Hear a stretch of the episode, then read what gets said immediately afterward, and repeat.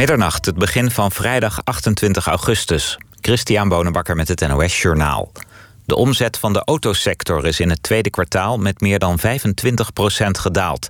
Daarmee is het volgens het CBS de grootste krimp in meer dan 25 jaar. Importeurs van nieuwe auto's kregen de grootste klap. Hun omzet kelderde met ruim 40 procent. Niet alleen doordat de vraag door de coronacrisis instortte... maar ook doordat autofabrieken dichtgingen en dus niets konden leveren. Handelaren in gebruikte auto's en reparatiebedrijven verloren zo'n 20% omzet. Alleen in de motorenhandel bleef het omzetverlies beperkt tot minder dan 6% in sommige regio's kan de wachttijd voor een coronatest oplopen doordat er wordt geschoven met testcapaciteit. Een deel van de capaciteit in regio's met weinig besmettingen wordt overgeplaatst naar regio's met veel besmettingen. Volgens het ministerie van Volksgezondheid is dat nodig zolang de totale testcapaciteit nog niet is uitgebreid. De motorrijders die onlangs in nog geen 10 minuten van Breda naar Rotterdam scheurden, hebben opnieuw een filmpje online gezet.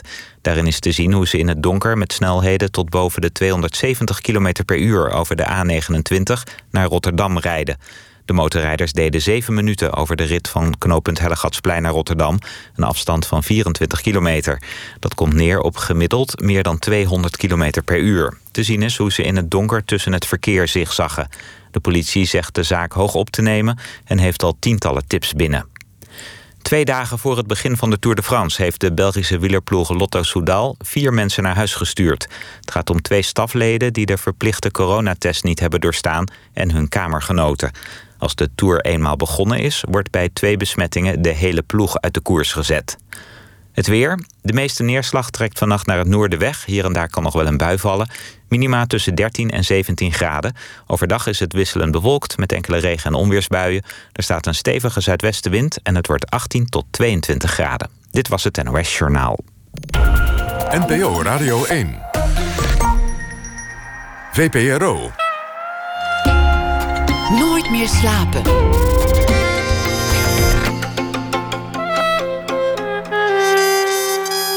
Met Lotje IJzermans. Welkom bij Nooit meer slapen, waar we het komende uur ruim baan maken voor een gesprek met cabaretier, presentator en marathonloper Dolph Jansen. Momenteel speelt hij de voorstelling Grote Mondkapjes, bijvoorbeeld aanstaande zondag nog in de Singer in Laren. Maar dat is eigenlijk een prelude op de voorstellingen waarin hij het jaar samenvat en duidt, de oudejaarsshows. Een reeks die hij dit jaar voor de 31ste keer zal gaan spelen. Een dikke 70 staan er op de rol, van boven Tot Delfzijl. En die leidde dan uiteindelijk tot zes avonden in een kleine komedie in Amsterdam. Dolf Jansen is 57. In 1988 begon hij met Hans Sibbel in Lebbes en Jansen. En al snel wonnen ze het Leids Cabaret Festival. Hij is cabaretier en comedian, schrijft columns, verhalen en gedichten... en is een onstuitbaar hardloper. Hij liep marathons in tal van steden.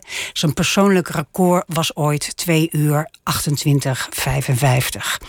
Nee, oké, okay, wordt gelijk geknikt, ge, nee, uh, geschud. 228, 22. Ik doe 55 is ook snel, maar het was echt 228, 22. Jongens, wat snel. Dat is echt snel, hè? Ja. Maar uh, het, het, het, het mooie van een PR is, het blijft altijd staan. Het blijft altijd je PR. Ja, ja. anders was het je PR niet. Precies. Precies. Ik wou nog even zeggen dat je uh, naast dat hardlopen en dat uh, spelen in het theater uh, een andere grote liefde hebt. En die delen wij. Dat is voor het medium radio. Zo presenteer je al eeuwenlang samen met Felix Murders. Nog wel. Zeker. Spijkers met koppen. En dat is elke zaterdagmiddag op Radio 2. Die eindejaarsshows. Dit is het 31ste seizoen dat jij ze speelt. Ja. Wat, is de, uh, wat is de bekoring voor jou?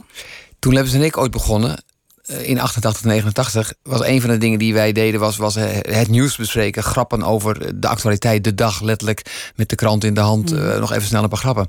Dus wij vonden het heel logisch om, om dat ook aan het einde van het jaar samen te vatten. Samen te ballen. Eigenlijk de beste grappen van het jaar die echt over het nieuws gingen. Dus toen wij cabaret gingen maken, een festival wonnen, een impresario kregen, een tour gingen doen, noem maar op. Was voor ons heel logisch om ook een oudejaars te doen. Onze impresario toen die zei: nee, jullie gaan een nieuw programma maken. Eerst programma heel belangrijk, bla bla. Ja, zeiden we gaan we doen. Maar we gaan ook een oudejaars maken.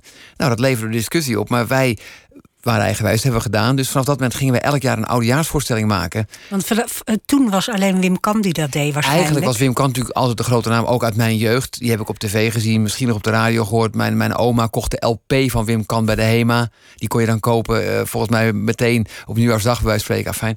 Ehm, ik had nooit het idee dat ik zoiets zou gaan doen. Maar dus dat is natuurlijk wel het, het, het voorland we zeggen, van, Ja. van die oudejaars. Later, ook in die tijd al, nou Freek is dat natuurlijk gaan doen. Zet Gaikema deed dat. eh Lemmens en Jansen gingen het doen.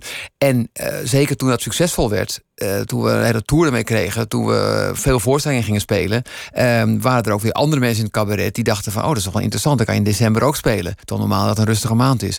Dus er gebeurde van alles op dat oudejaarsgebied. Wij vonden altijd, we passen wel in die traditie, maar we maken geen oudejaarsconferentie. Wij willen gewoon met, eh, met z'n tweeën in hoog tempo het jaar door. En later, toen wij dus eh stopten Hebben Jansen, nu een jaar of eh, 13, 14 geleden, wist ik gelijk, hier ga ik mee door. Want ik vind dit zo'n mooie vorm En? Waarom? Omdat ik wil proberen elk jaar te vatten. En daar bedoel ik mee. Ik maak al lang geen voorstelling meer met de beste grappen over de beste nieuwsfeiten of de grootste nieuwsfeiten. Ik maak al jaren samen met Jessica Borst, mijn, mijn regisseur, een voorstelling over, over eh, het moment in de tijd waar we zijn met dit land, met de samenleving. Wij zelf als, als eh, stemgerechtigde, als consument, als burger van een land. Dus ik probeer een beetje de tijdsgeest te vatten. Het gaat over het jaar. Grote gebeurtenissen zitten erin. kleine dingen die ik van belang vind. Er zit altijd poëzie in die raakt aan het jaar. Maar ik probeer gewoon elk jaar vanaf september tot eh, het einde van het jaar te vatten waar we zijn. eh, wat, wat dat betekent. Wat onze rol is in die grote wereld, in die samenleving en alle dingen die gebeuren. En dat dan op een cabaret manier. Dus er wordt heel veel gelachen. Ik ga in gesprek met de zaal. Ik heb altijd poëzie bij me. Eh, dat zijn de vormen die ik gebruik. En ik vind dat zo prettig om te doen. Dat ik ook vind dat elk jaar een oudjaars verdient. Ja, dat snap ik. Want het is natuurlijk een gouden formule die jij in je bezit hebt. Dit kan jij, dit doe jij, dit vind je leuk. En Ja. het publiek vindt het ook nog leuk. Dus dat is super. Ja, super. Ehm, dit jaar is natuurlijk best wel een uitzonderlijk jaar. Of Ja. is dat niet zo? Zie Ja, ik dat zeker. verkeerd? Eh, het feit dat ik het al 31 jaar doe, ik, ik realiseer me dat nauwelijks, maar ik weet dat omdat we vorig jaar als een soort van grap het 30-jarig jubileum hebben gevierd. Ja. eh, in, in de hoop dat er een vriendenavond zou komen en cadeaus. Allemaal niet gebeurd. Ik heb gewoon weer 80 keer gespeeld en klaar. Maar ehm, van die 31 jaar is dit absoluut het uitzonderlijkste jaar. Ik, ik omschrijf het ook in de voorstelling die ik aan het maken ben als, laten we zeggen, 15 maart bleek Nederland ook eh, COVID en corona, et cetera, te hebben. Ik noem het ook BC, dat is before corona. En alles wat daarna komt, dat is feitelijk ook waar. Ons ons leven, ieders leven is daarna veranderd. In je werk, in je privé, in je thuissituatie. Opeens kinderen thuis, eh, onderwijs, thuis werken, noem maar op. Elk leven is veranderd. De wereld is veranderd en blijft veranderen.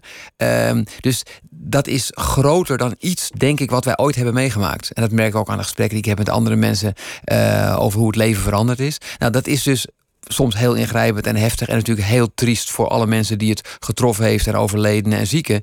Maar het is ook fascinerend. Wat doet dat met je in je leven als je opeens niet meer naar je werk gaat, maar thuis zit en, en via een schermpje? Wat doet het met je als je kinderen opeens thuis zijn? Ik zeg op een paar moment als een soort van grap. Vrienden van mij die zeiden: Ik wist niet eens dat ik kinderen had. Die blijken opeens kinderen te hebben. Ik heb gewoon twee kinderen en die zitten opeens thuis. Normaal waren ze de hele week naar school en het weekend lachgas en had je nergens last van. En opeens blijkt je kinderen te hebben. Dat is natuurlijk een beeld, maar het idee dat je leven zo verandert dat dat alles wordt beïnvloed, dat vind ik ook heel interessant. En eh, daar zal die voorstelling mede over gaan. Eh, maar, maar zeker niet alleen. Ik neem aan dat je, eh, als je dit 31 jaar doet, dat je bij nieuws altijd met een soort helikopterblik kijkt van wat kan ik hiermee? Ja, niet continu. Ik, ik loop tegenwoordig ook wat vaak bij Radio 1 eh, rond, waardoor je nog meer nieuws over je heen krijgt. Ik wil dingen volgen. Ehm, ik wil dingen begrijpen, dus ik wil het nieuws volgen. Maar ik merk ook dat ik langzamerhand ook interessanter vind, los van, laten we zeggen, al die incidenten van de dag en de week. Ik vind het interessanter om documentaires te kijken die over het grotere geheel gaan. Dus eh Human zond dit- jaar een documentaire uit. Die ging over, eh, die heette Why We Hate. Die ging over haat, over extremisme. Over hoe mensen tot van alles gedreven worden door eh, politieke bewegingen en andere bewegingen. Dat vind ik uiteindelijk interessanter om te proberen te begrijpen. Want de tweedeling die wij zien, in Amerika erger dan hier, maar ook hier zien we hem, komt ergens vandaan.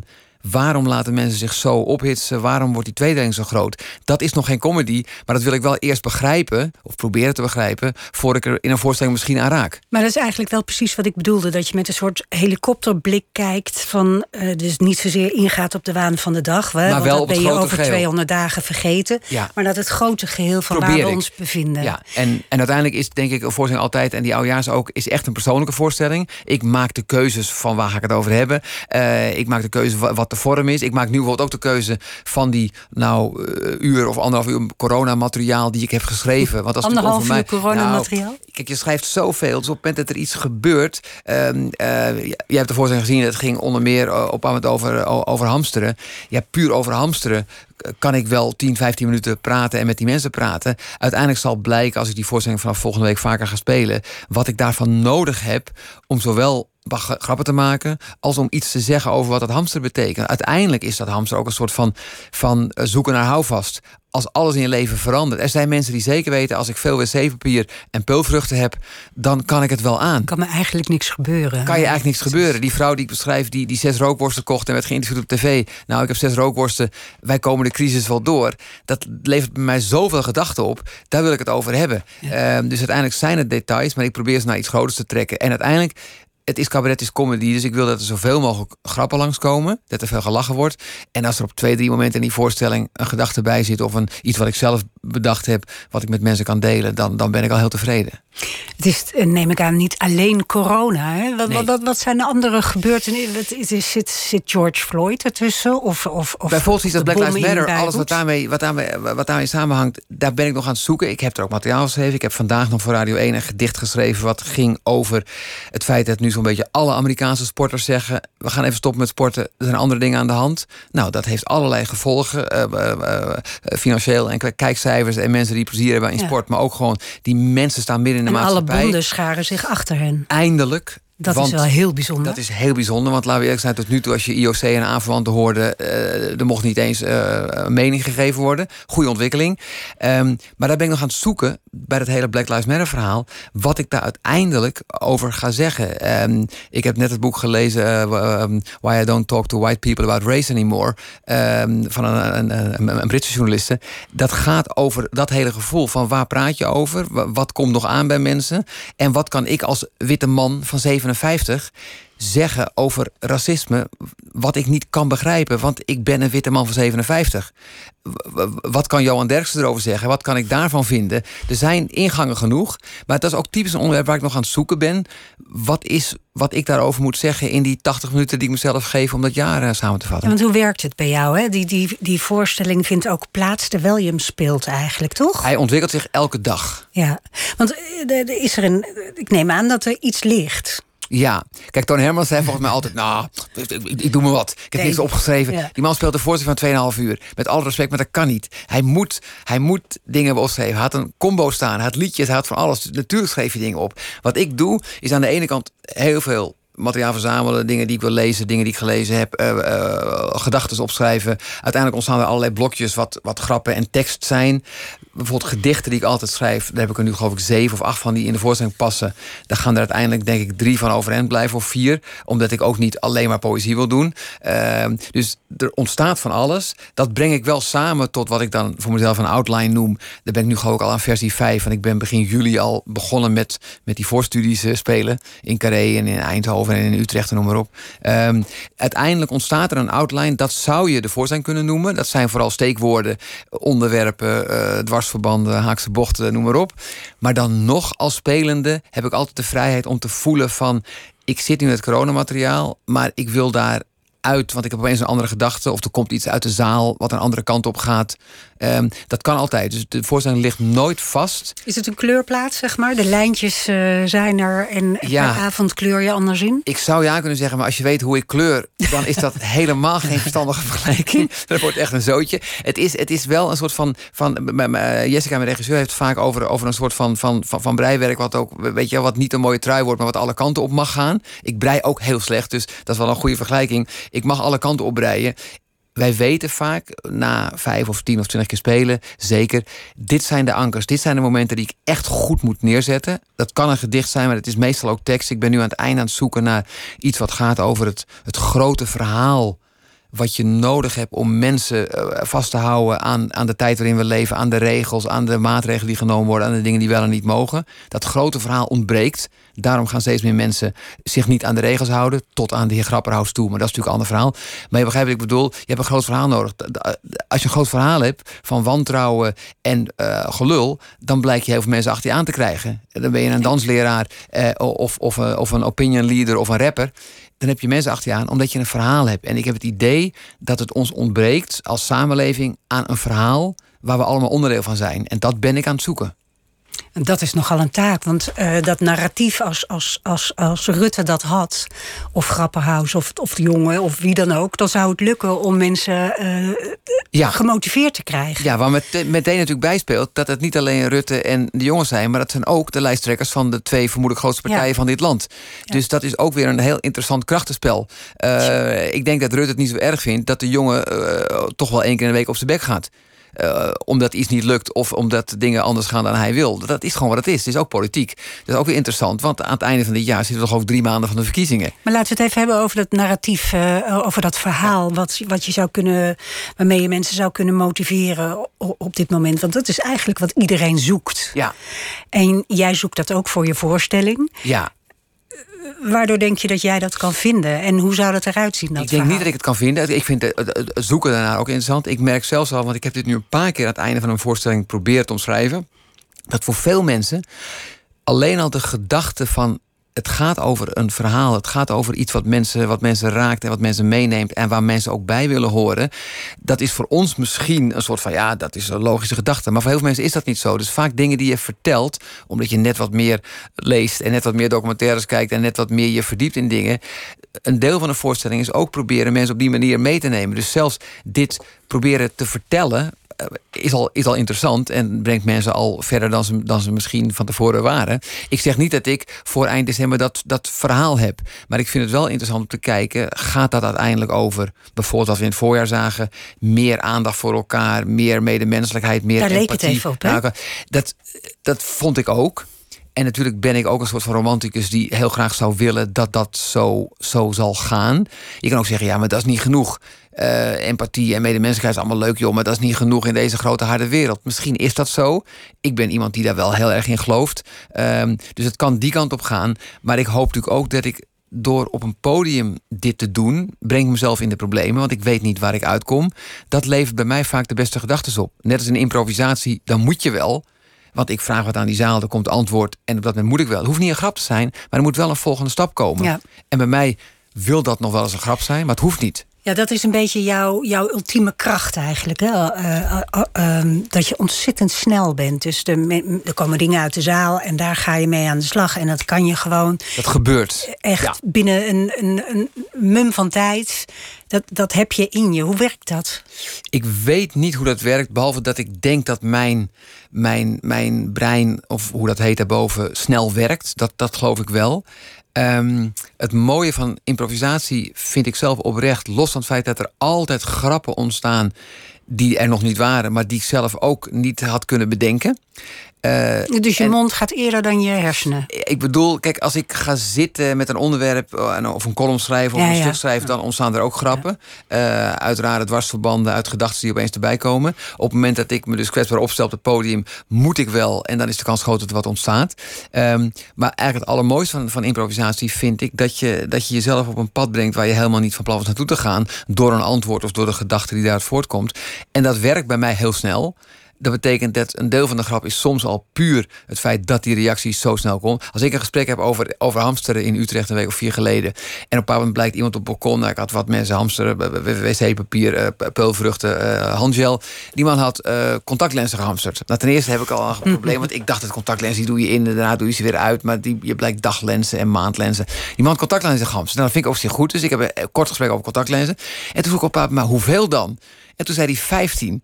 Waarop ik zeg, dat is een oneven aantal. Dus de rest van die voorstelling ging over een man die op een bepaald moment met één contactlens inloopt. Die dan de wereld heel anders gaat zien. Die tegen dingen aanloopt. Die niet, niks meer begrijpt van de wereld. Want die heeft nog maar één contactlens. Nou, dat hele verhaal kan alleen ontstaan omdat ik bij 15 contactlenzen denk, dat is raar. Of hij, de man heeft maar één oog. Dan kan hij twee keer zo lang met die contactlenzen. Maar dat zijn dus gedachten die op dat moment ontstaan. En mij ergens brengen waar ik anders niet geweest was. En dat vind ik het mooie van, van improvisatie. Ja, dus dat breiwerk, dat ligt er. En, en daarin Ik mag alle kanten op. Ik mag alle kanten op. Als ik die ankers, eigenlijk, dat noem ik ankers. Als ik die maar in de gaten heb. Dit is echt belangrijk. Dan maakt de rest niet zoveel uit. Ja. Je hebt ook wel eens gezegd dat je van chaos houdt, dat je on- ontregelaar bent. Zit dat in dezelfde lijn eigenlijk? Ja, in die zin, ik, ik geloof niet dat ik, zou maar zeggen, specifiek daar sta om te ontregelen. Maar ook bijvoorbeeld in interviewsituaties, want ik zit ook wel eens andersom, dat ik iemand vragen stel en noem maar op. Ik vind het mooie van interviewen, vind ik, eh, dat het niet is vastgelegd, dat het een gesprek is. Dus dat betekent als er een antwoord komt wat een volstrekt andere kant op ging dan je verwachtte, vind ik dat heerlijk.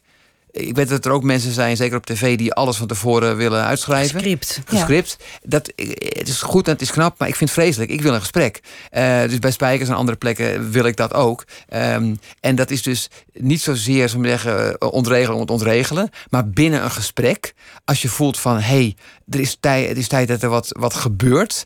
Zeker met politici en met andere professionele sprekers, moet dat soms. Nou, en dat vind ik wel prettig, maar dat is dan, als ik het goed doe, in dienst van het gesprek. Dus mensen denken soms, ik zit bij Spijkers om grapjes te maken. Nee, ik zit bij Spijkers om goede radio te maken en om een paar goede interviews te doen met Felix samen. Maar soms gebruik je dat ontregelen echt om het gesprek beter te maken of om, de, om het radioprogramma beter te maken. En dat vind ik wel interessant.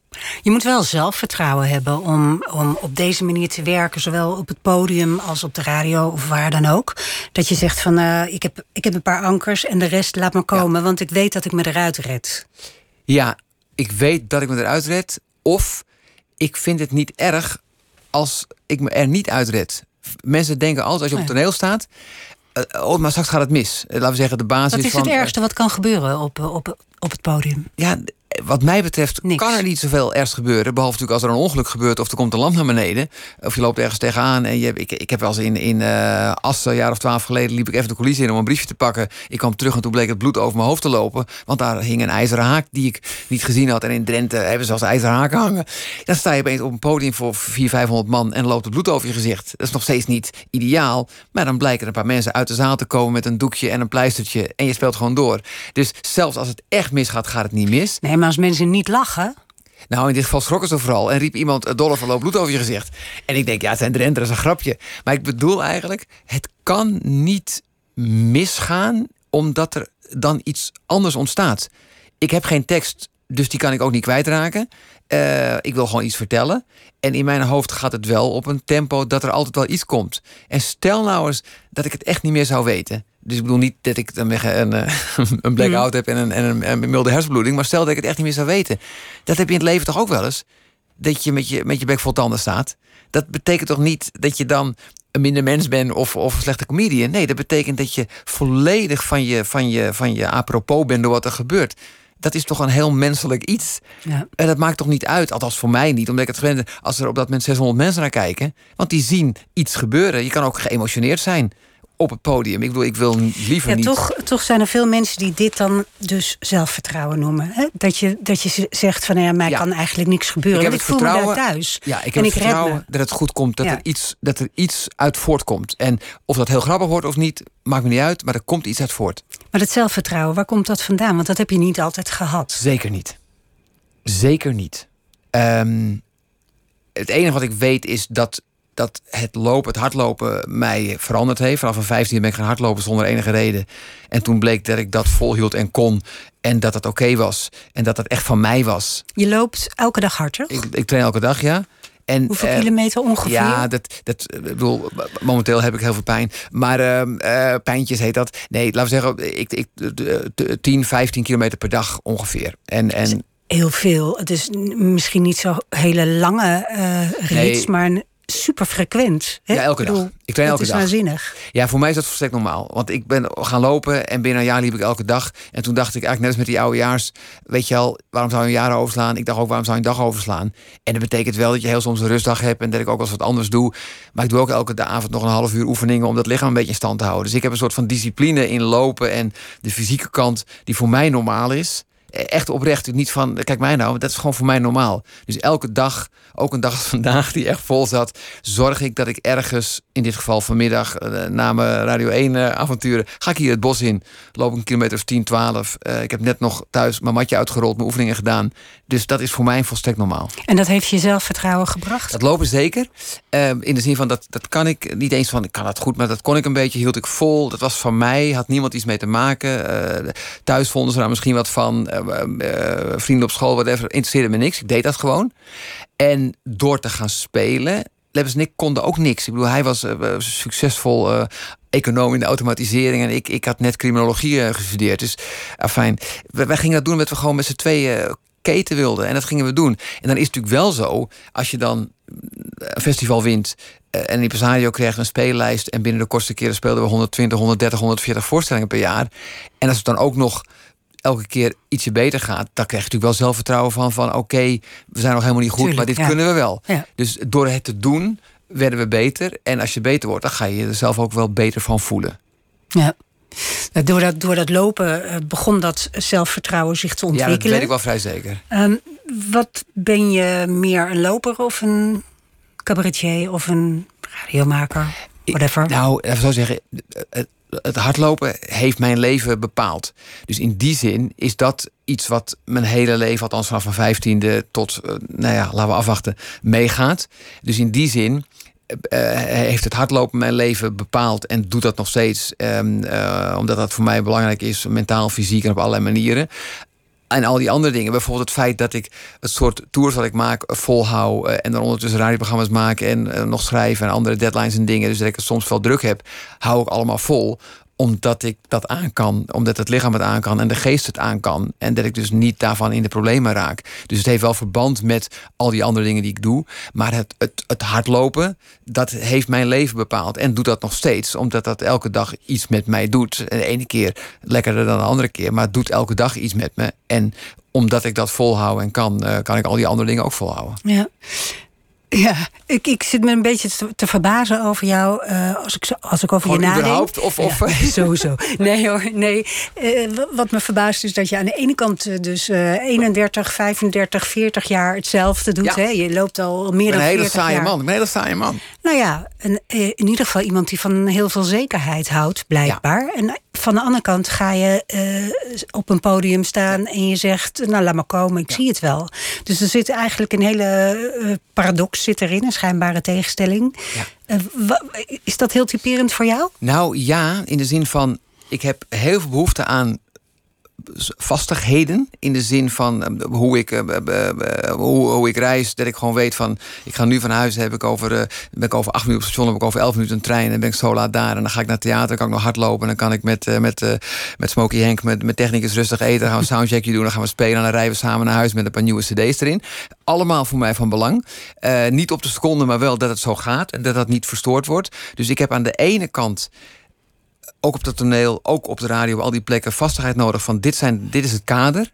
En daarbinnen vind ik alles best. Dus als dat programma eenmaal loopt, of als dat die voorstelling is begonnen, of zoals wij jullie uh, Vondelpark gezien. Ik heb gisteravond stond ik in, in Woerden op een buitenpodium, wat hartstikke leuk was. Maar het publiek bleek allemaal op minimaal 100 meter afstand. Dus je stond gewoon voor een leeg veld in het donker. En daarachter zaten 300 mensen in een tent. Fascinerende avond. Zo gauw ik dat weet, denk ik, oké, dit is nu wat het is.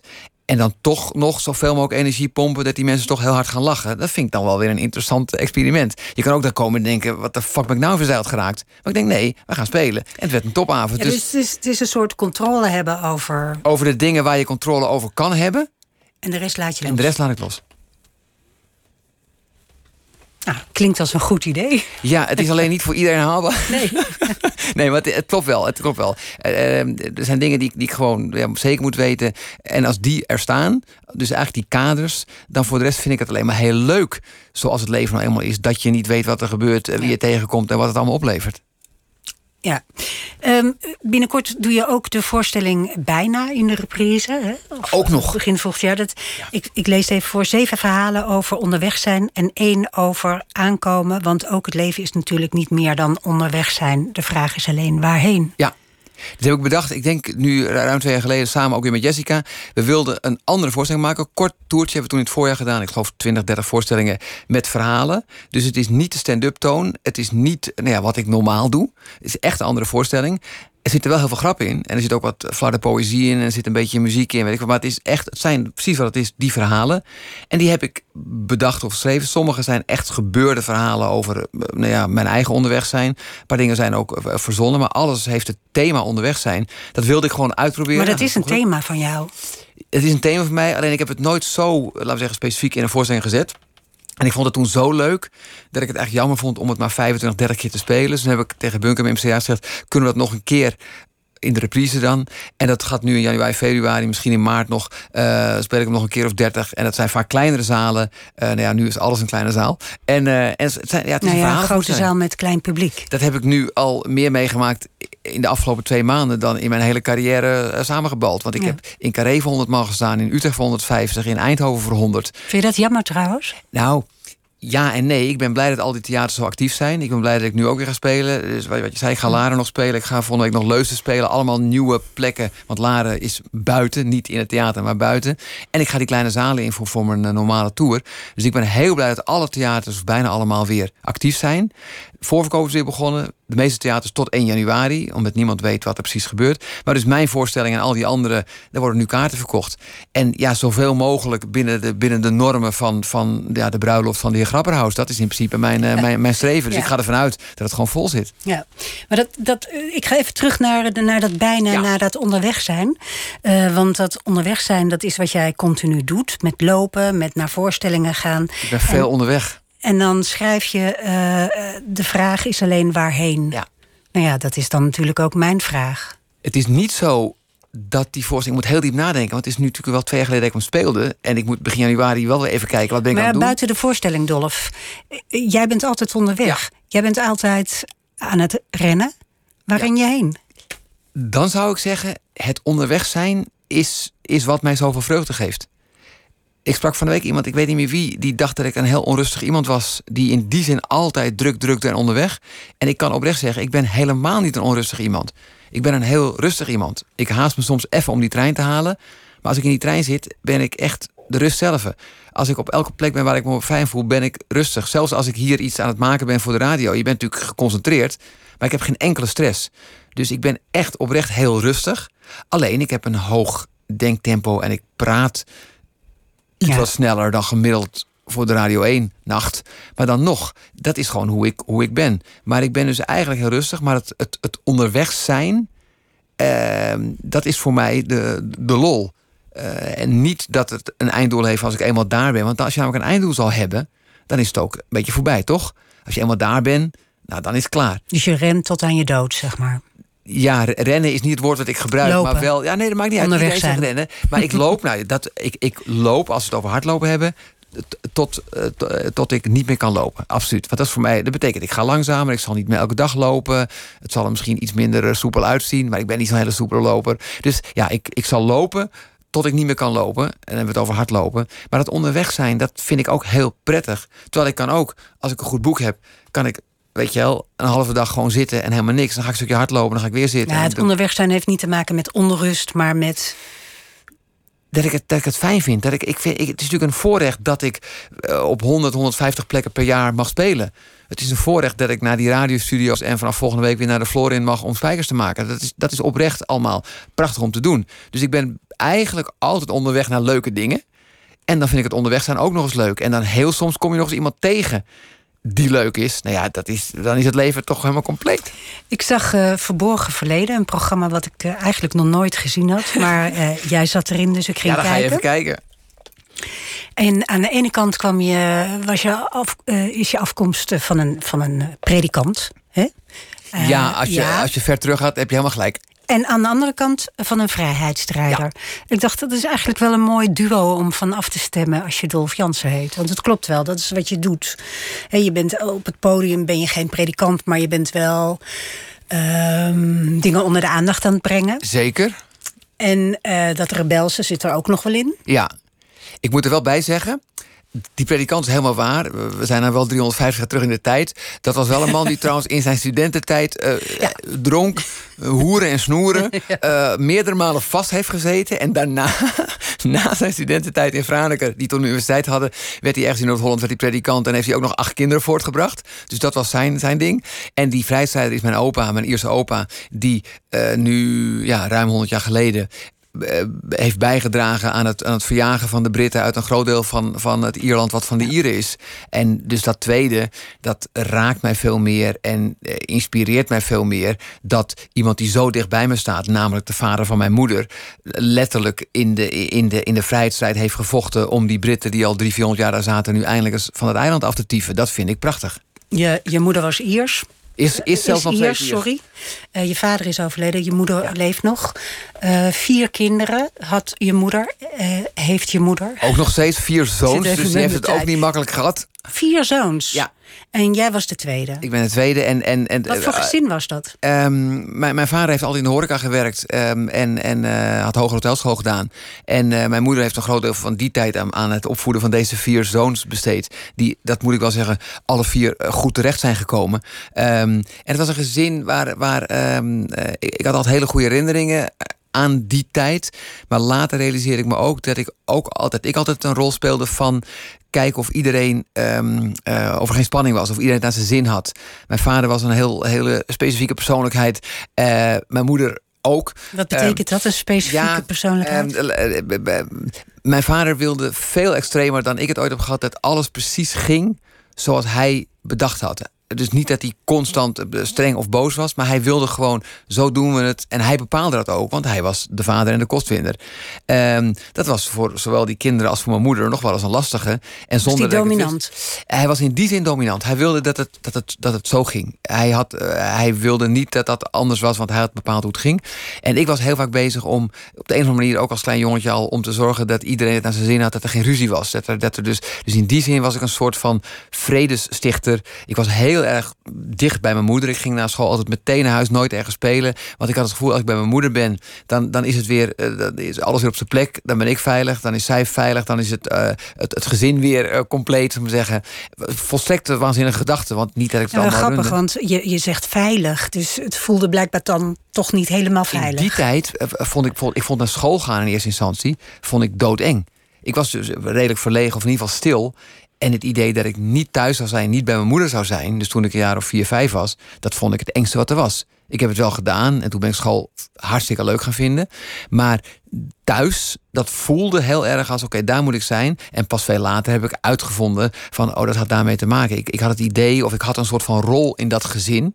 Uh, nou, wat ik zei, vredestichter en, en iedereen uh, tevreden houden. En het kan best net mijn broers daar anders naar kijken. Maar ja, die worden niet geïnterviewd.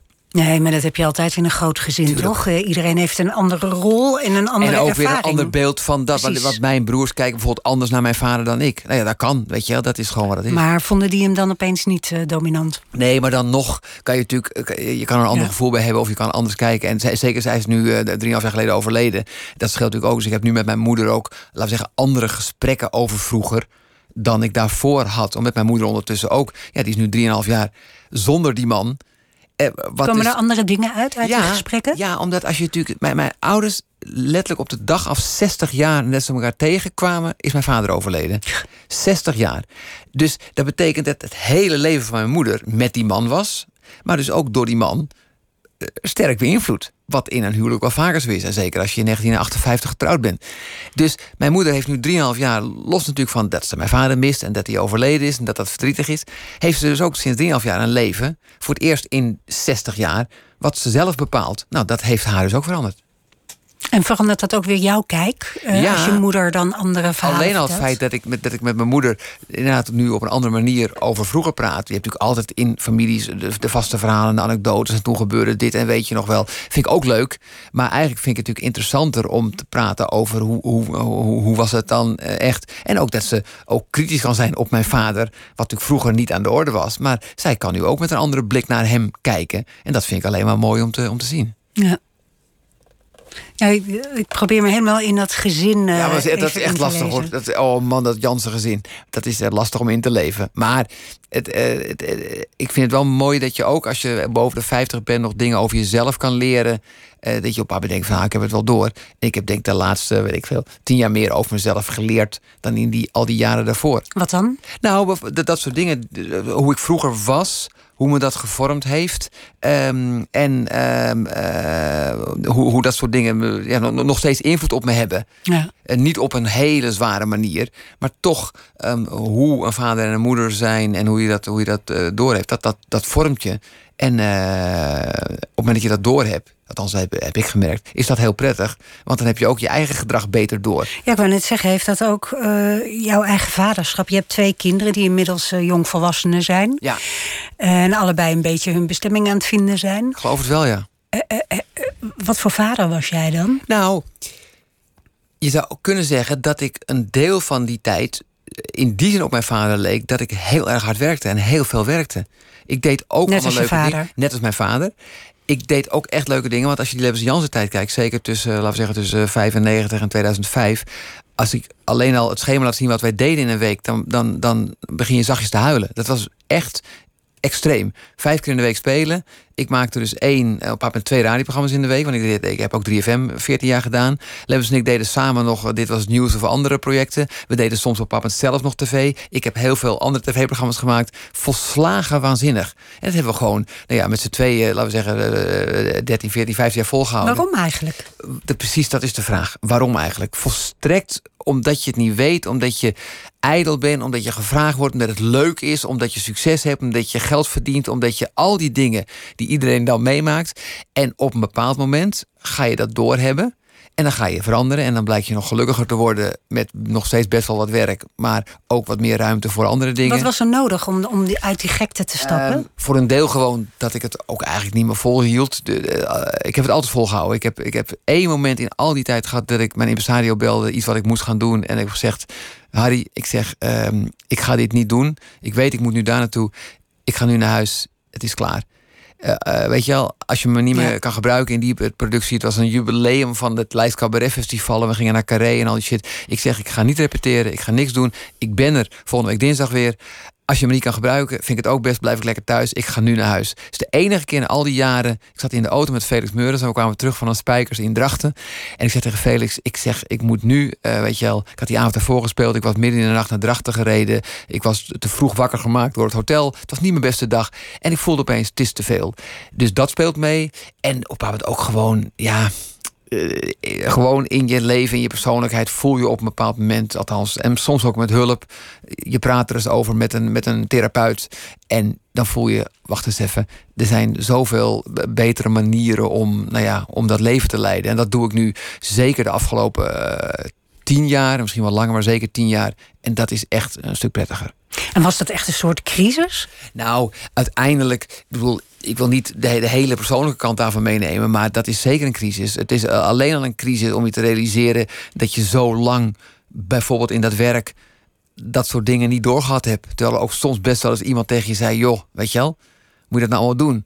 Maar dan denk je toch, ja, natuurlijk, dat is toch te gek, hartstikke leuk, dit en dat. Dus ja, dat is het, het feit alleen al dat je zo lang daarnaast hebt gezeten, dat is, dat is best wel even een, eh, ja, Ja, en daarnaast hebt gezeten. Dat, dat, dat je, je was toch eh, gedreven om al die dingen te doen. zeker. En dat was eh, natuurlijk aan een aan één kant enthousiasme, maar Ja. misschien aan de andere kant ook mm, bevestiging. Ik denk dat. Ik denk oprecht dat iedereen die op een podium staat ook die bevestiging wil. Dat Ja. weet ik wel zeker. En, en het feit dat je een vorm vindt die voor jezelf prettig is om te doen. Of je nou de, de, de zanger van het bandje bent, of, of, of de, de cabaretier, of de- wat dan ook.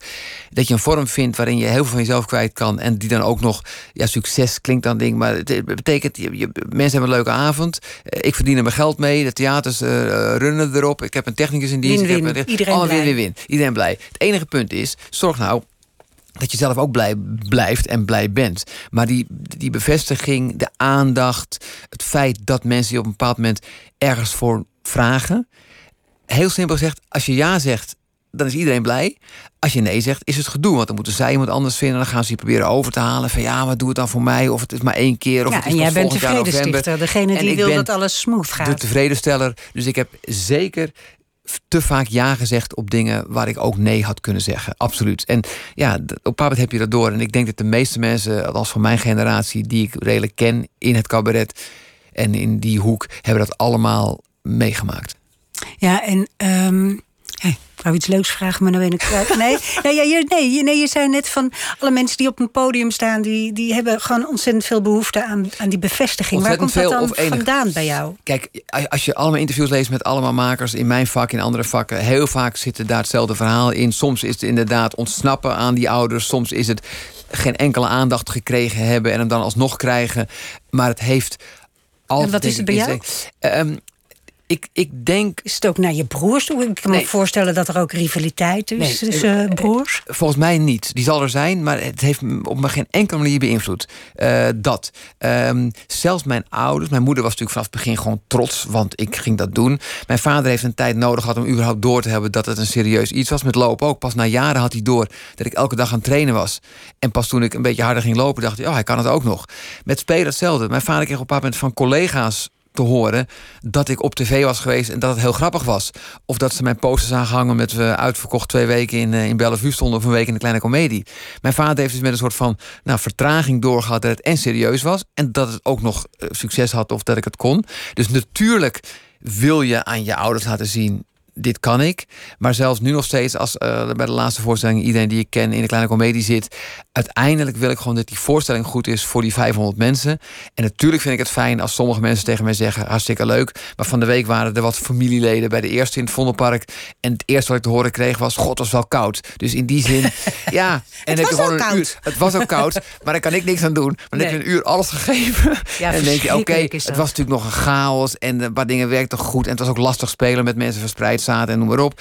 Maar dan nog, als je het eerst wat je te horen krijgt, was het was koud. Ik denk, ja, hallo. En vond je er nog wat van? Dus uiteindelijk ben je altijd. En dat waren jouw familieleden? Die oh man, die komen ook nooit meer. Ja, dat waren mijn familieleden. En, en, maar het is ook, het gekke is het, is, het is, het hoort er ook bij. Het is niet erg. Het is niet dat ik dan daarvan wakker lig. Ik maak er liever nog een grap over en ik plaag ze ermee, dan dat ik het echt heel ernstig vind. Maar het is natuurlijk altijd leuk maar, als je... Ja, ja, dat is natuurlijk zo. En, uh, en je bent volwassen en je bent, weet ik veel, bijna 60, dus je kan ermee omgaan. Dat vind ik niet nodig. Bijna 60 vind ik echt niet nodig. Ik ben net 57. 57 is gewoon echt aan de verkeerde kant van 55. Volgend jaar zit er een gedicht in mijn voorstelling, want ik heb het al geschreven maar het gaat volgend jaar inkomen. Dat gaat erover dat ik voel dat ik tegen de 60 tik. Maar dat ik zo blij ben dat alles het nog doet. Nou ja, zo oud is het nou ook weer niet. Nee, gelukkig niet, maar ik zeg het maar even. Nee, maar ik, je, je zegt, eh, eh, je, je kan ermee omgaan dat je familie dat doet, maar toch Vertel denk, je het hier nog uh, vier ja, maar, dagen omdat we het over, uh, over Vondelpark hebben over zo'n voorstelling. Kijk, het gekke is, het is niet zo. Nee, we hadden het over je familie. Over mijn familie. nou, dan komt het via die hoek. Nee, kijk, uiteindelijk zijn er natuurlijk een aantal mensen om je heen. wiens ehm, ehm, mening of ideeën belangrijker vindt dan de grote massa. Ik luister bijvoorbeeld ook in het maken van mijn voorstelling echt maar naar twee à tweeënhalf uh, mensen, niet meer. Want dat is kansloos. Wie is die halve? Nou, ik zit te twijfelen. Kijk, mijn, mijn, mijn regisseur heeft een grote rol. Uh, natuurlijk. Dan hebben we Henk met wie ik tour. Die is technicus, maar die weet ook dingen. En Bodil, die heel veel voor mij doet. Uh, inhoudelijk, zakelijk, alles. Die weet veel van theater. Die weet veel van, van mij. Die kent mij heel goed. Daar houdt het echt mee op. Dus dan heb je het over twee à drie mensen. Dus dat betekent dat ook al die mensen om me heen die ik belangrijk vind... die hebben geen enkele invloed op wat ik doe het feit dat zij een grap niet leuk vinden of een onderwerp eigenlijk onnodig of een bepaalde tekst, uh, weet ik veel, kan ik geen rekening mee houden. Uh, ik hoop altijd dat mensen begrijpen, ook mensen die me goed kennen, dat je op toneel, als je zelf staat, maar dat het toch ook een vorm is. Dus dat als je op het toneel iets zegt over je vrouw of je moeder of je dochter, dat het niet per definitie je vrouw, je moeder of je dochter zijn. Want dat is, ja, het is, het is ook cabaret, het is ook toneel, het is ook uh, theater. Um, en voor de rest kan je alleen maar je eigen normen leggen en vind je het fijn als sommige mensen die je zelf na aan het hart liggen, dat die het mooi vinden of goed vinden of geraakt zijn, dat is heel fijn. Want ja, dat zijn mensen die dichtbij je staan. Maar uiteindelijk is het niet bepalend voor mijn geluk. Je gaat altijd de dialoog aan uh, Altijd. met je publiek. Hè? Ja. Je, eh, eh, zaterdagavond, toen ik je zag in het Vondelpark... zat er een mevrouw met een gekke jas. Ja. Of een meneer die zat Ik alleen. zie meteen de jas weer. Ja. Ja. En die meneer zat alleen. Want het waren allemaal tweetjes in het Vondelpark. Want we moeten natuurlijk met z'n tweeën zitten. Ja. Het moeten mensen zijn met wie je gezinsverband vormt... of seks hebt, of alle twee. En die man zat op de eerste rij, op een tweetje... alleen met een blikje bier op zijn andere ding. Dus ik denk, ja, dat is, eh, dat is een verhaal. Nou, ik heb ook geprobeerd om die man nog te koppelen. Is niet gelukt. En die vrouw was inderdaad... je kijkt, je ziet een deel van het publiek... maar je hebt wel een jas dat je denkt... oké, maar dit was echt een soort van psychedelische ervaring. Dit was een dusdanige jas. Ik kon ook mijn ogen er niet van afhouden. Dus elke tien minuten heb ik het over die jas gehad. Ze is zich nog gaan afdekken. Het werkte ook het scheen er doorheen. Het zijn gewoon extraatjes. Ik sta op dat moment op die plek... met, met windkracht 7 voor 300 man in het Vondelpark te spelen... terwijl het steeds maar kouder wordt. Dan vind ik dat ik alles mag gebruiken wat Ja. mij, wat mij eh, overkomt... om dat uur eh, min of meer eh, coherent eh, af te ronden. Dat is ook heel goed gelukt. Je, je, je gaat ook in dialoog. inhoudelijk, zal ik maar zeggen. Dus Ik wil altijd gesprek aangaan en ik merk in theaterzalen... Kijk, Vondelpark is altijd lastig, want het is gewoon open en wind en noem maar op. Maar in elke theaterzaal, van, van, van het kleinste zaaltje in, in, in, in de Deventer of, of boven, boven Karspel... tot aan de grootste die ik speel in Utrecht en Eindhoven en noem maar op. Overal kan je praten met het publiek, krijg je antwoord... en dan op een manier dat er ook echt een gesprek kan ontstaan. Hoeft niet minutenlang te duren, een paar keer heen en weer... Ik heb er weer een gedachte bij of een lijntje voor die avond. Dat is voldoende. Maar je bent ook iemand die heel geëngageerd is. En eigenlijk vindt dat we met elkaar in gesprek... Hè, de samenleving wordt eigenlijk steeds eh, eh, extremer Ja. aan beide kanten. Ehm, maar jij bent, eh, je gelooft in de dialoog, toch? Zeer. Zeer. Ik heb eh, vorig jaar aan de voorstelling Ook raakte met ik viruswaanzin gekkies of eh, complotdenkers. Nou, dat is ook een interessante. Ik, ik verdiep me daarin omdat ik wil begrijpen waarom mensen daar vatbaar voor zijn. Nou, er zijn hele dikke boeken over en documentaires. Ik kan niet alles zien en lezen, maar ik probeer me daar wel in te verdiepen. Ik weet dat het heel lastig is. Zijn die mensen überhaupt bij mij in de zaal? Of vinden ze me toch al een, een, een linkse hond en komen ze niet eens? Dat zou kunnen. Ik vind het altijd interessant om dat gesprek aan te gaan. Dus op het moment dat ik het over de agrarische sector heb, wat ik nog wel eens heb, en ik krijg daar letterlijk boze reactie. Dat was trouwens echt in Bovenkarstel, maar dan vorig jaar. Die man was gewoon boos op me. Eh, jij mag het niet over de boeren hebben. Dan ga ik het gesprek aan. Er zit gewoon 300 man bij, of 200 man. Maar dan wil ik die man uitleggen. Natuurlijk mag ik het er wel over hebben. Want ik heb er heel veel over gelezen. Ik ben er heel erg bezorgd over. Ik ben ermee bezig. Ik sta achter de boeren, alleen niet achter het systeem. Dat gaat drie keer heen en weer. Dat vind ik heel spannend. Want alle sfeer is even weg uit de zaal. Omdat ik me echt aangevallen voel. Terwijl het volgens mij niet terecht is. En dan is natuurlijk de, de, de, de kunst om uit die spanning van dat gesprek weer tot de volgende stap Ja. te komen. Maar alleen die spanning al en tegen de mensen zeggen van wow, weet je wel. Nou, jongen die hier nog sfeer in gaat krijgen, dat is echt een hele grote. Dan voel je al een opluchting, komt er nog een grap overheen en je kan weer verder. Dus ik hou van die, zelfs als het volledig onverwacht uit woede komt, vind ik het nog steeds interessant. Want die man was op dat moment boos op mij. En ik en dan denk probeer oprecht, jij je in die woede te verplaatsen? nou, dat was op dat moment was het dusdanig dat ik ook echt voelde van... hij vindt dat ik mijn mond moet houden over dit onderwerp. En dat is gewoon niet waar. Als ik er niks van af weet, moet ik mijn mond houden. Maar ik heb de afgelopen twintig jaar er zoveel over gelezen. Bij Vroege Vogels schrijf ik erover. Op andere plekken heb ik het erover. De Groene Amsterdammer, eh, twee keer in de maand schrijft grote stukken over... de agrarische sector en wat er gaande is. Ik weet daar echt wel iets van af. En ik weet ook dat er bij Farmers Defence Force en LTO Nederland en de Rabobank en het CDA, om Henk Bleker maar niet te noemen, zoveel over is gelogen. Dat het tijd wordt dat we eerst maar eens gaan vaststellen wat de feiten zijn. En dat we dan met z'n allen een oplossing zoeken. In plaats van achter deze mensen aan te lopen. Ja, en je, je, je zet je in voor goede dingen ook, hè? Nou ja, ik, in de zin van dat ik geloof Of in een goede wereld. dingen, dat klinkt zo eh, absoluut. Maar in ieder geval voor dingen waarin jij gelooft. Ja, omdat ik vind, eh, omdat ik vind dat iedereen op zijn eigen manier ehm, eh, mede verantwoordelijk is voor de samenleving waar je onderdeel van bent en van de wereld waar je onderdeel van bent. En dat betekent niet dat iedereen zich constant hoeft in te zetten. Maar het idee dat je niks te maken hebt met wat er in de rest van de wereld gebeurt, vind ik een heel raar idee. Oprecht, dat begrijp ik niet. Want je bent toch onderdeel van die samenleving, van die wereld. Nou, en dan kun je op allerlei manieren, als consument, als stemgerechtigde en eventueel op een andere manier, kun je, kun je iets doen. En ik kan vanuit mijn werk en vanuit wat ik, wat ik kan, eh, kan ik eh, dingen ondersteunen. En dat doe ik. Eh, dat vind ik een heel logische, eh, vind ik een heel logisch ding om te doen. Ja, je doet eh, War Child en Oxfam In Novik. principe, Oxfam Novik is mijn, is mijn organisatie. Ik heb voor het wel eens Ja. wat gedaan, maar Oxfam Novik, daar ben ik ambassadeur van al 18 jaar. En dat is voor mij logisch, omdat zij de wereld En ook de onrechtvaardigen in die, in die wereld als één geheel zien. En dan gaat het even goed over vrouwen- en kinderrechten op allerlei plekken in de wereld. Over onderwijs, maar ook over klimaatverandering. Over eerlijke handelsverdragen. Over uh, vluchtelingenstromen, over conflicten, over alles wat speelt in die grote wereld. Met al die zaken hebben wij te maken, wij uh, in, in deze bevoorrechte ja. maatschappij.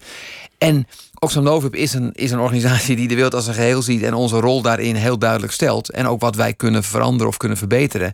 En voor mij is dat een, een perfecte plek om waar mogelijk iets bij te dragen. En dat betekent feitelijk gewoon filmpjes maken, dingen inspreken, een stukje schrijven.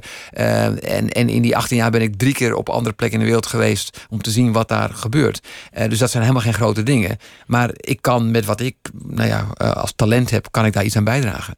Maar uh, hoe, hoe blijf jij. Ik bedoel, als je ouder wordt, is het makkelijk om wat cynischer te worden, of wat minder hoopvol, of uh, ja. wat negatiever gewoon. Ja, hoewel dus je ik... denkt, ja, ja, ja. Ik, ik was ooit heel jong en heel. Ja. Uh, ik wilde de wereld bestormen ik en zou ik geloofde willen, erin. Ik zou het willen omdraaien. Want het, wat je zegt is helemaal waar. Maar als ik nu kijk naar mijn kinderen, van de week hadden we het erover. hoeveel zorg zij hebben over wat er gebeurt in die wereld. En zij moeten nog, uh, of ja. mogen nog 50, 60, 70 jaar. Als je het omdraait, wij zijn op een bepaalde leeftijd. Wij kunnen nog wat veranderen. Het feit dat, dat heel veel ouderen voor Brexit stemmen en heel veel jongeren tegen, dat zegt iets over het cynisme in die maatschappij. En dat die ouderen alleen maar buitenlanders wilden buiten houden en ja. dachten dat ze dan gelukkig zouden worden. Allemaal op leugens gebaseerd. Wij, laten we zeggen, de 50ers, 60ers, 70ers, kunnen nog iets veranderen in die 10 of 20 of 30 jaar die we hebben. Dat is toch veel mooier als gedachte. Wij kunnen nog dingen veranderen aan de wereld. Omdat we nog, we hebben nog tijd, we hebben soms geld, we hebben, we hebben, we hebben nog de energie. Wij kunnen nog dingen veranderen voor al die generaties na ons.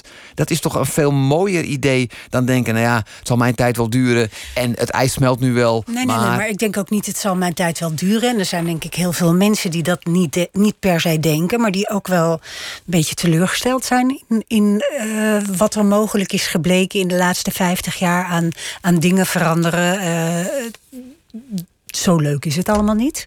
Ja, ik vind het heel erg leuk. Los van alle ellende vind ik het heel erg leuk. En ik vind het vreselijk dat er ook erge dingen gebeuren. En ik zie ze ook continu langskomen. Maar ik vind het leven en alles wat wij hebben en kunnen... en, en, en de doelen die je kan stellen, vind ik heel erg leuk. Dus ik ben wat dat betreft heel optimistisch. Maar ik geloof dat het dan het allermooiste is... als je dan ook nog iets van de kracht die je hebt... of het geld wat je verdiend hebt... of de, de tijd die je nog hebt... of de energie of wat dan ook... gebruikt om om die wereld Tuurlijk, ja, wat mooier te maken. En dat, dat klinkt heel hoogdravend, maar volgens mij is dat een hele prettige manier van in de wereld staan. En het is niet veranderd sinds je 25ste? Als het al veranderd is, ben ik, ben ik, ben ik in die zin meer gaan doen. Uh, dus dus veel, ik ben veel betrokkener. Ik ben in die zin veel actiever in allerlei dingen. Dat komt natuurlijk voor een deel domme werk en dat ik daardoor meer mensen bereik. Maar ook omdat ik steeds meer ben gaan doorkrijgen. Je kunt niet doen alsof wij hier in dit rijke land niks te maken hebben met de armoede en de klimaatverandering en de. En de ja, maar heb je ooit uh, iets bereikt? He? dat, dat, dat bedoel ik. Je kan, ik, ik, ik. Laat ik het zo zeggen. Heb je ooit iets bereikt? Ik, ik heb niet iets bereikt. Maar het feit bijvoorbeeld dat organisaties als Oxfam Novib en andere organisaties ervoor gezorgd hebben dat de extreme armoede in de wereld in de afgelopen 10, 15 jaar Toch heel erg is afgenomen. Ja. Dat er iets van, ik, ik geloof, 900 miljoen mensen minder in extreme armoede leven dan daarvoor. Dat is een groot ding. Dan nog steeds is het zo dat je over vluchtelingenstromen hebt en dat er dingen moeten veranderen om dat te, te, te vermijden. Want vluchtelingenstromen hou je niet tegen door met gepatrouilleren, met bootjes te patrouilleren in de Middellandse ja, Zee. Grote muur. Nee. En een muur. Dat doe je door oorzaken aan te pakken. Je weet waar die oorzaken zijn. Dat is soms oorlog, dat is lastig. Maar dat gaat ook over armoede, klimaatverandering, corruptie en andere shit. Daar is wat aan te doen. Een eerlijk handelscontract en belasting betalen in Afrika... betekent dat veel meer mensen in Afrika blijven... omdat ze daar heel graag willen blijven. Ik vind het wel leuk, want ik, ik ben het met je eens hoor. En ik ben ook helemaal niet zo somber. Maar ik wilde eventjes aan de onderkant van de dingen gaan zitten... om te kijken... Maar ik oprecht, zoals ik in de wereld sta... en zoals ik ook positief kijk... dat is geen, dat is geen vormpje of kunstje. Zo sta ik echt in de ja. wereld, gelukkig. En dan nog steeds zie ik dingen gebeuren... en zie ik ontwikkelingen die mij ook somber stemmen. Alleen ik kan, ik, ik, ik heb heel weinig somberheid. Ik, de, gelukkig, maar die heb ik niet. Ik wil nog even voordat we aan het eind zijn weten hoe je het vindt om ouder te worden. Je bent natuurlijk echt zo iemand die met enorme energie ja. uh, eigenlijk altijd een jonge hond is gebleven en altijd aanstormend in de zin van sturm und drang. Aanstormend talent. Nee, nee dat bedoel ik niet. Nee, ik begrijp het. Fysiek natuurlijk, eh, het feit dat ik net over pijntjes had. Ik kan nog steeds trainen, ik kan nog steeds allemaal dingen doen. Maar ik heb meer pijntjes dan ik 10 of 20 of 30 jaar geleden had. Dus als, als loper. Dus dat verandert. Mijn lichaam verandert. Ik ben nog steeds, ik heb geen buikje en ik ben niet grijs. Dat valt mee. Maar dat, dus dat verandert. En dat kan ik aanvaarden. Vind ik soms lastig, maar dat kan ik aanvaarden. Maar je hebt een hele, eh, bij de Comedy Club, maar ook bij Spijkers met Kop. Je ziet allerlei nieuwe cabaretiers en comedians eh, opstaan. En eh, je kinderen zijn groot, je rol verandert, toch? Ja, zeker. Maar uh, dit, dit neigt naar een afronding van mijn carrière. Die voel ik niet. Serieus. Ik ben blij met al die talenten. En sommigen zijn echt hartstikke goed. En die, die vullen inderdaad grotere zalen dan ik. Dat is wat het is. Maar dat is niet erg zolang ik mijn, mijn kunstje mag doen en kan blijven doen. En die rol met die kinderen, fantastisch. Want zij gaan nu dingen doen waar ik misschien van kan genieten. En misschien gaan ze eindelijk terugbetalen wat ik de afgelopen twintig jaar erin gestoken heb. Maar dus, dat is oprecht dat ik, ja, mijn rol verandert. Maar deze dingen die ik nu nog doe, die we besproken hebben, vooralsnog mag ik die en kan ik die doen. Ook dat zal veranderen. Ik kan ook best wel met, met een goed boek ergens gaan zitten, maar niet alleen. Ik wil ook nog wel wat dingen doen een stukje hardlopen, een voorstelling ja, maken, schrijven. nog niet zo 57. Kijk, over 20 jaar, over 20 jaar zit ik hier weer. Okay, dan, dan gaan we afronden. Dan gaan we afronden. Dank in ieder geval dat je hier uh, wilde zijn op deze lange dag voor jou. Het was een genoeg. Uh, aanstaande zondag is hij dus te zien in Singer in Laren en daarna nog in Zwolle, Den Bosch boven Karspel, Almelo, Weesp en Osdorp in Amsterdam, om maar een paar data om te noemen. Om maar een paar te noemen. Lisbeth Staats ontvangt morgen schrijfster en onderzoeksjournalist Amy Koopman. Ze promoveerde op psychologisch onderzoek en haar uh, nieuwe boek, Het Boek van Alle Angsten, verschijnt in september. Zo direct Björn van der Doelen te gast bij Miss Podcast. Op Radio 1, het nieuws van alle kanten.